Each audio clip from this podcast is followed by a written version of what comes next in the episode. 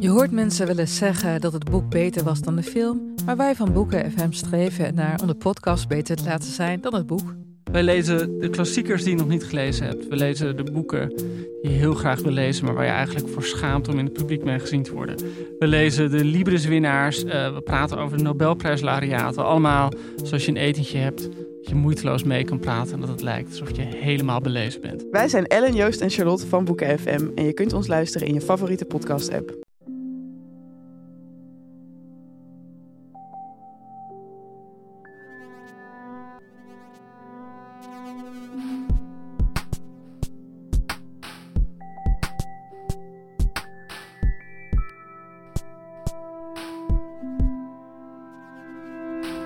Dit is Relaas. In Relaas vertelt iemand een waar gebeurd verhaal over iets dat hij zelf heeft meegemaakt. Zo begint elk Relaas. Maar deze keer is het iets anders, want het verhaal dat we nu gaan horen start in een virtuele wereld. Een wereld die niet de onze is, de wereld van computerspelletjes. Daar, in die wereld, zit Matthias. En Matthias is iets ouder dan 18 jaar, heeft net, is net aan het studeren en hij moet iets met zijn leven gaan doen. Want hij zit veel te veel in die virtuele wereld van computerspelletjes. En in één keer komt daar een echt monster af, een monster met de naam Vidia B. En dan moet Matthias in één keer de draken van het leven proberen overwinnen.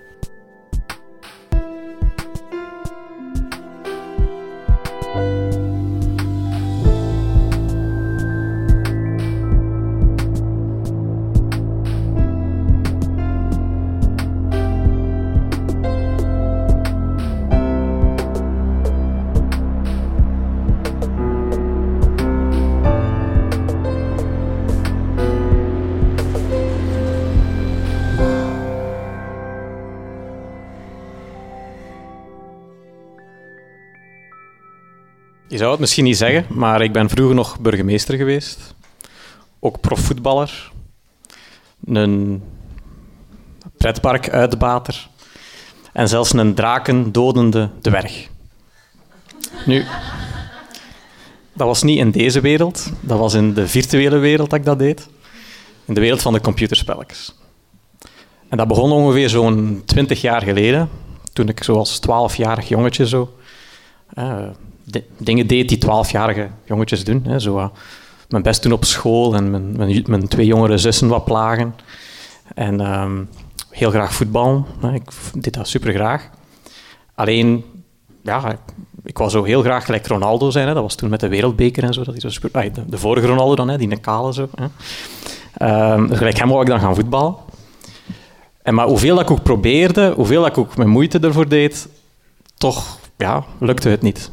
Mijn klasgenoten waren altijd beter dan mij, konden beter schieten, harder schieten, sneller schieten enzovoort. En ja, voor mij, dat, dat lukte nooit. Dat was er ook juist een periode dat zo de eerste hè, PC's op de markt kwamen. Hè. Windows kwam ook uit. En, uh, en ook de eerste computerspelletjes. En toen, voor mijn verjaardag, kreeg, kreeg ik FIFA.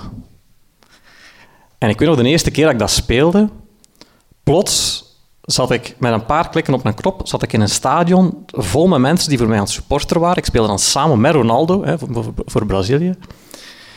En ja, ik heb ook nog de wereldbeker gewonnen dan, diezelfde dag nog.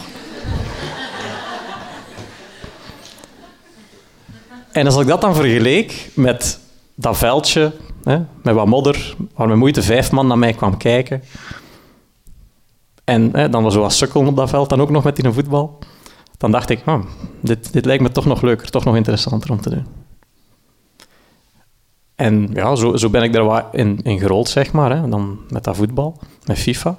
Maar al heel snel werd dat dan... Ja, nadat je zo'n paar keer de wereldbeker hè, wint, wordt dat dan zo wat saai.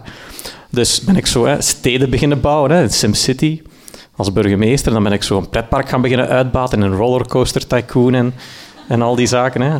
Misschien een paar herkenbaar. En, uh, en Sims, hè, dat heb ik ook nog gespeeld. En mijn zussen ook af en toe. Uh, en ik vond dat superleuk om te doen. Nu, om den duur, ik werd dan ook al wat, wat, ouder. En dan kwam ook zo... Het internet kwam dan uit. Hè. Dan konden zo spelletjes spelen samen met anderen. Um, en dan ook de eerste internetcafés. Hè, want het internet thuis was nog veel te traag en zo. En als ik dan zo op het internet wou, dan... Ja, in die tijd moest je kiezen of, of bellen of op het internet. Hè. Met zo van die inbelmodems. Met van die rare geluiden. En ja, ik heb twee zussen en een moeder die graag bellen en babbelen. Dus dat was altijd... Ik heb af en toe wel toch vaak het onderspit moeten delven. Dat zij dan mochten bellen in plaats van dat ik op het internet ging. Dus heel veel, heel veel tijd in de internetcafés gespendeerd. En dat was dan Counter-Strike dat ik speelde. Hè, zo van die, die bommen die je dan moest ontmantelen. Hè, of, of, bommen plaatsen als je dan terrorist aan het spelen was op dat moment. Dat was een beetje afwisselend. Ehm, samen met klasgenoten dat ik dan vaak speelde. Of online met zo dan, hè, vreemden. En dat vond ik ook ja, superleuk om te doen. Ehm, maar op een bepaald moment, hè, ik werd dan zo wat ouder en mijn klasgenoten ook.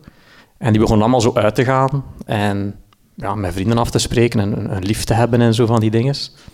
En ik ging in het begin wel zo eens een paar keer mee, ook zo uit interesse en zo. Maar vaak als ik er dan bij was, ja, ik wist meestal niet goed wat te zeggen en ik was ook super verlegen. Dus in die tijd, om den duur zei ik al snel zo, zeker als af en toe zo eens een keer naar een vijf ben mee geweest, van ja, dat is toch niet echt mijn ding, hè, zo al die die, die luide muziek, die plakkerige vloeren, al die mensen en zo. Zoveel, ah, voor mij waren dat heel veel prikkels. En om nu zeg ik al snel zoiets van, ja nee, voor mij hoeft dat toch niet meer. En uh, ik heb ook nooit begrepen waarom dat mensen dat een feest noemden, want voor mij was het echt de hel eigenlijk, zo'n fuif. ik zat veel liever gewoon thuis achter de computer.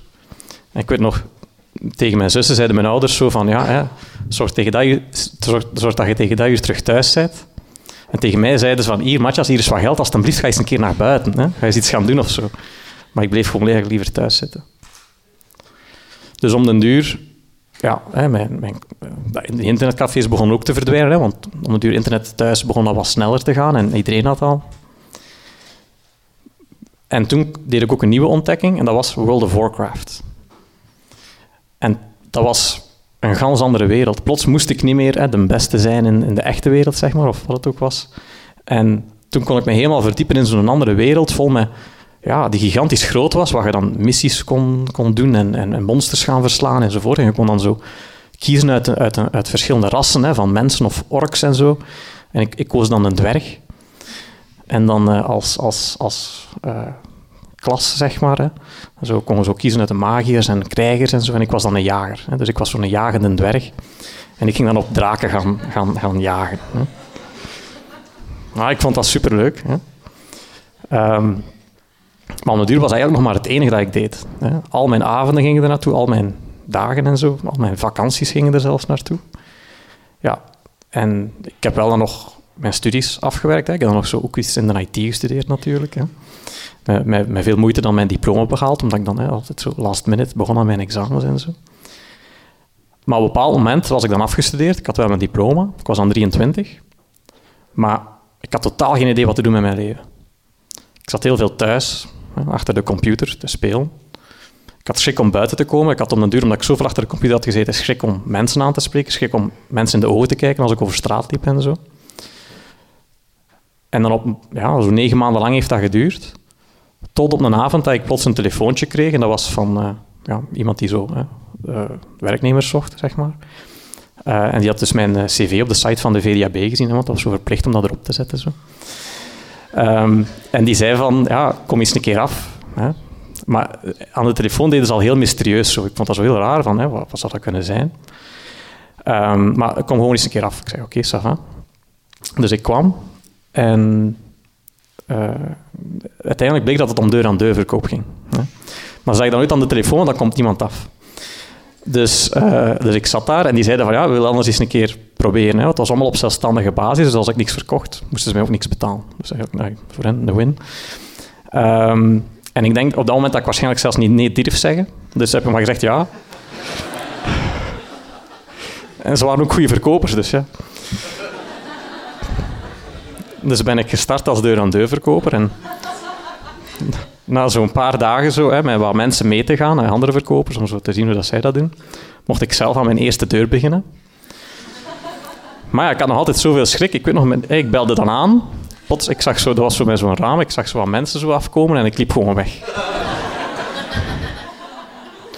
dus kunt u inbeelden, ik heb die heel weinig verkocht in een dag. Hè.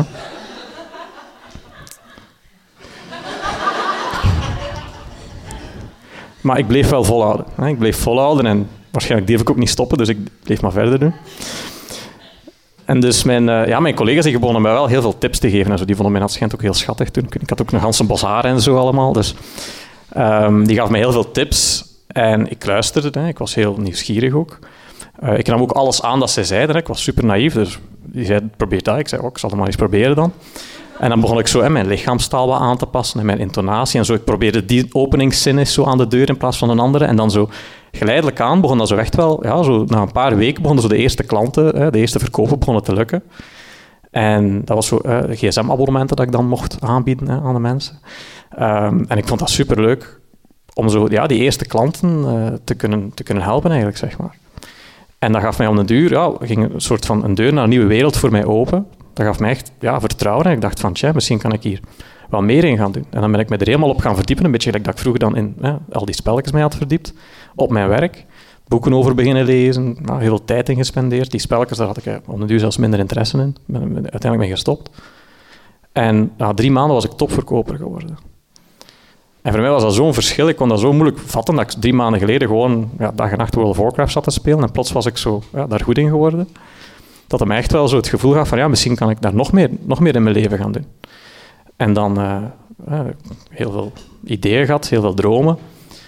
En eigenlijk, ja, de voorbije tien jaar ben ik dan alle soorten activiteiten gaan doen waar ik eigenlijk initieel heel veel angst voor had, maar waar ik wel het gevoel had van ja, misschien gaat dat me wel helpen. En dan eigenlijk op een manier dat ik vroeger strategisch hè, probeerde die spelletjes te winnen en dan hè, probeerde die, de, die, die, die stad te bouwen en dat pretpark uit te bouwen enzovoort, ben ik strategisch naar mijn eigen leven gaan kijken. En ik merkte bijvoorbeeld dat ik heel veel angst had om te spreken voor groepen mensen. Dus ben ik daar workshops in gaan volgen en lessen in gaan volgen. Ik merkte als, als iemand iets tegen mij zei, dat ik soms heel lang moest nadenken om een antwoord te creëren. Dus ben ik improvisatietheater gaan volgen. Uh, ik merkte dat ik heel ja, weinig zelfstandig was. Hè. Mijn moeder deed alles voor mij altijd thuis en zo. Dus uh, wou ik wat meer zelfstandig worden, ben ik kookles gaan volgen ook. Um, ik, ik merkte dat ik, dat ik soms nogal redelijk stijf was en serieus was en zo. Dus ben ik uh, dansles gaan volgen. Salsa heb ik dan gedaan. En ook zelfs clownerie heb ik nog gevolgd om, om clown te worden. Hè. Dus uh, ook zoiets uh, een half jaar gedaan. En, en zo eigenlijk op, op, op die manier mijn leven beginnen aanpakken. En dus ik beken, hè, ik, ben, ik ben geen burgemeester, ik ben geen profvoetballer meer, ik ben ook geen, geen drakendodende dwerg meer. Maar ik ben nu ja, eerder een danser, een, uh, een toneelspeler, een chef, een clown. En vooral, nu is het ook in het.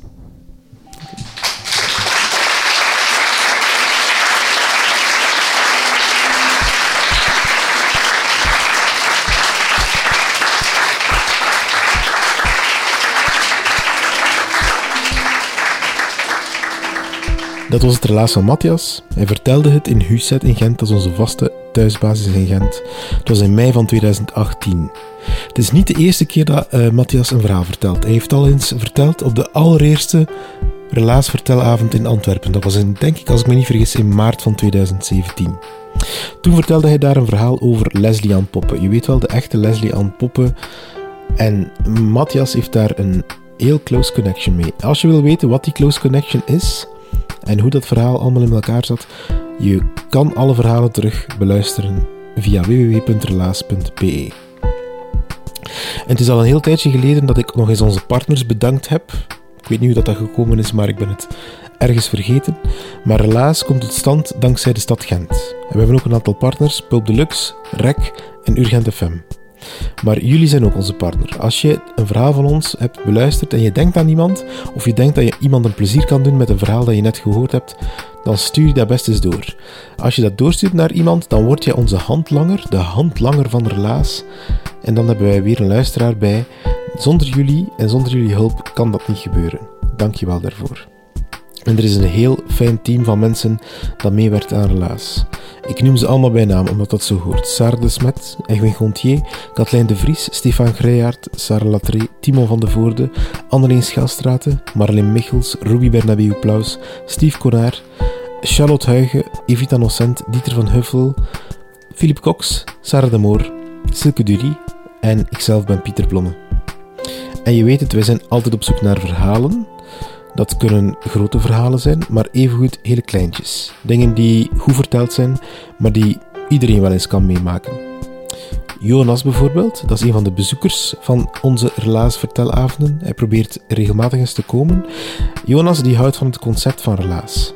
En dat moet daarom niet, niet uh, wereldschokkend zijn. Het, het mooiste was eigenlijk dat dat allemaal heel banale, dagelijkse dingen zijn die mensen meemaken, maar dat wel echt uit het leven komen. En dat dan daarom zo herkenbaar is. En dat, ja, dat, je dat, daar, dat dat een spiegel is voor wat je zelf hebt meegemaakt. Of is een opening voor dingen die je zelf niet meegemaakt hebt. En, en daardoor zit van, ah tja, dat wist ik niet dat dat ook gebeurde. Als je wil weten wanneer de volgende relaasavond plaatsvindt, gewoon eens surfen www.relaas.be of naar onze Facebook. En daar kan je zien en, uh, wanneer onze volgende vertelavond plaatsvindt. En je kan je ook meteen inschrijven. Dankjewel voor het luisteren.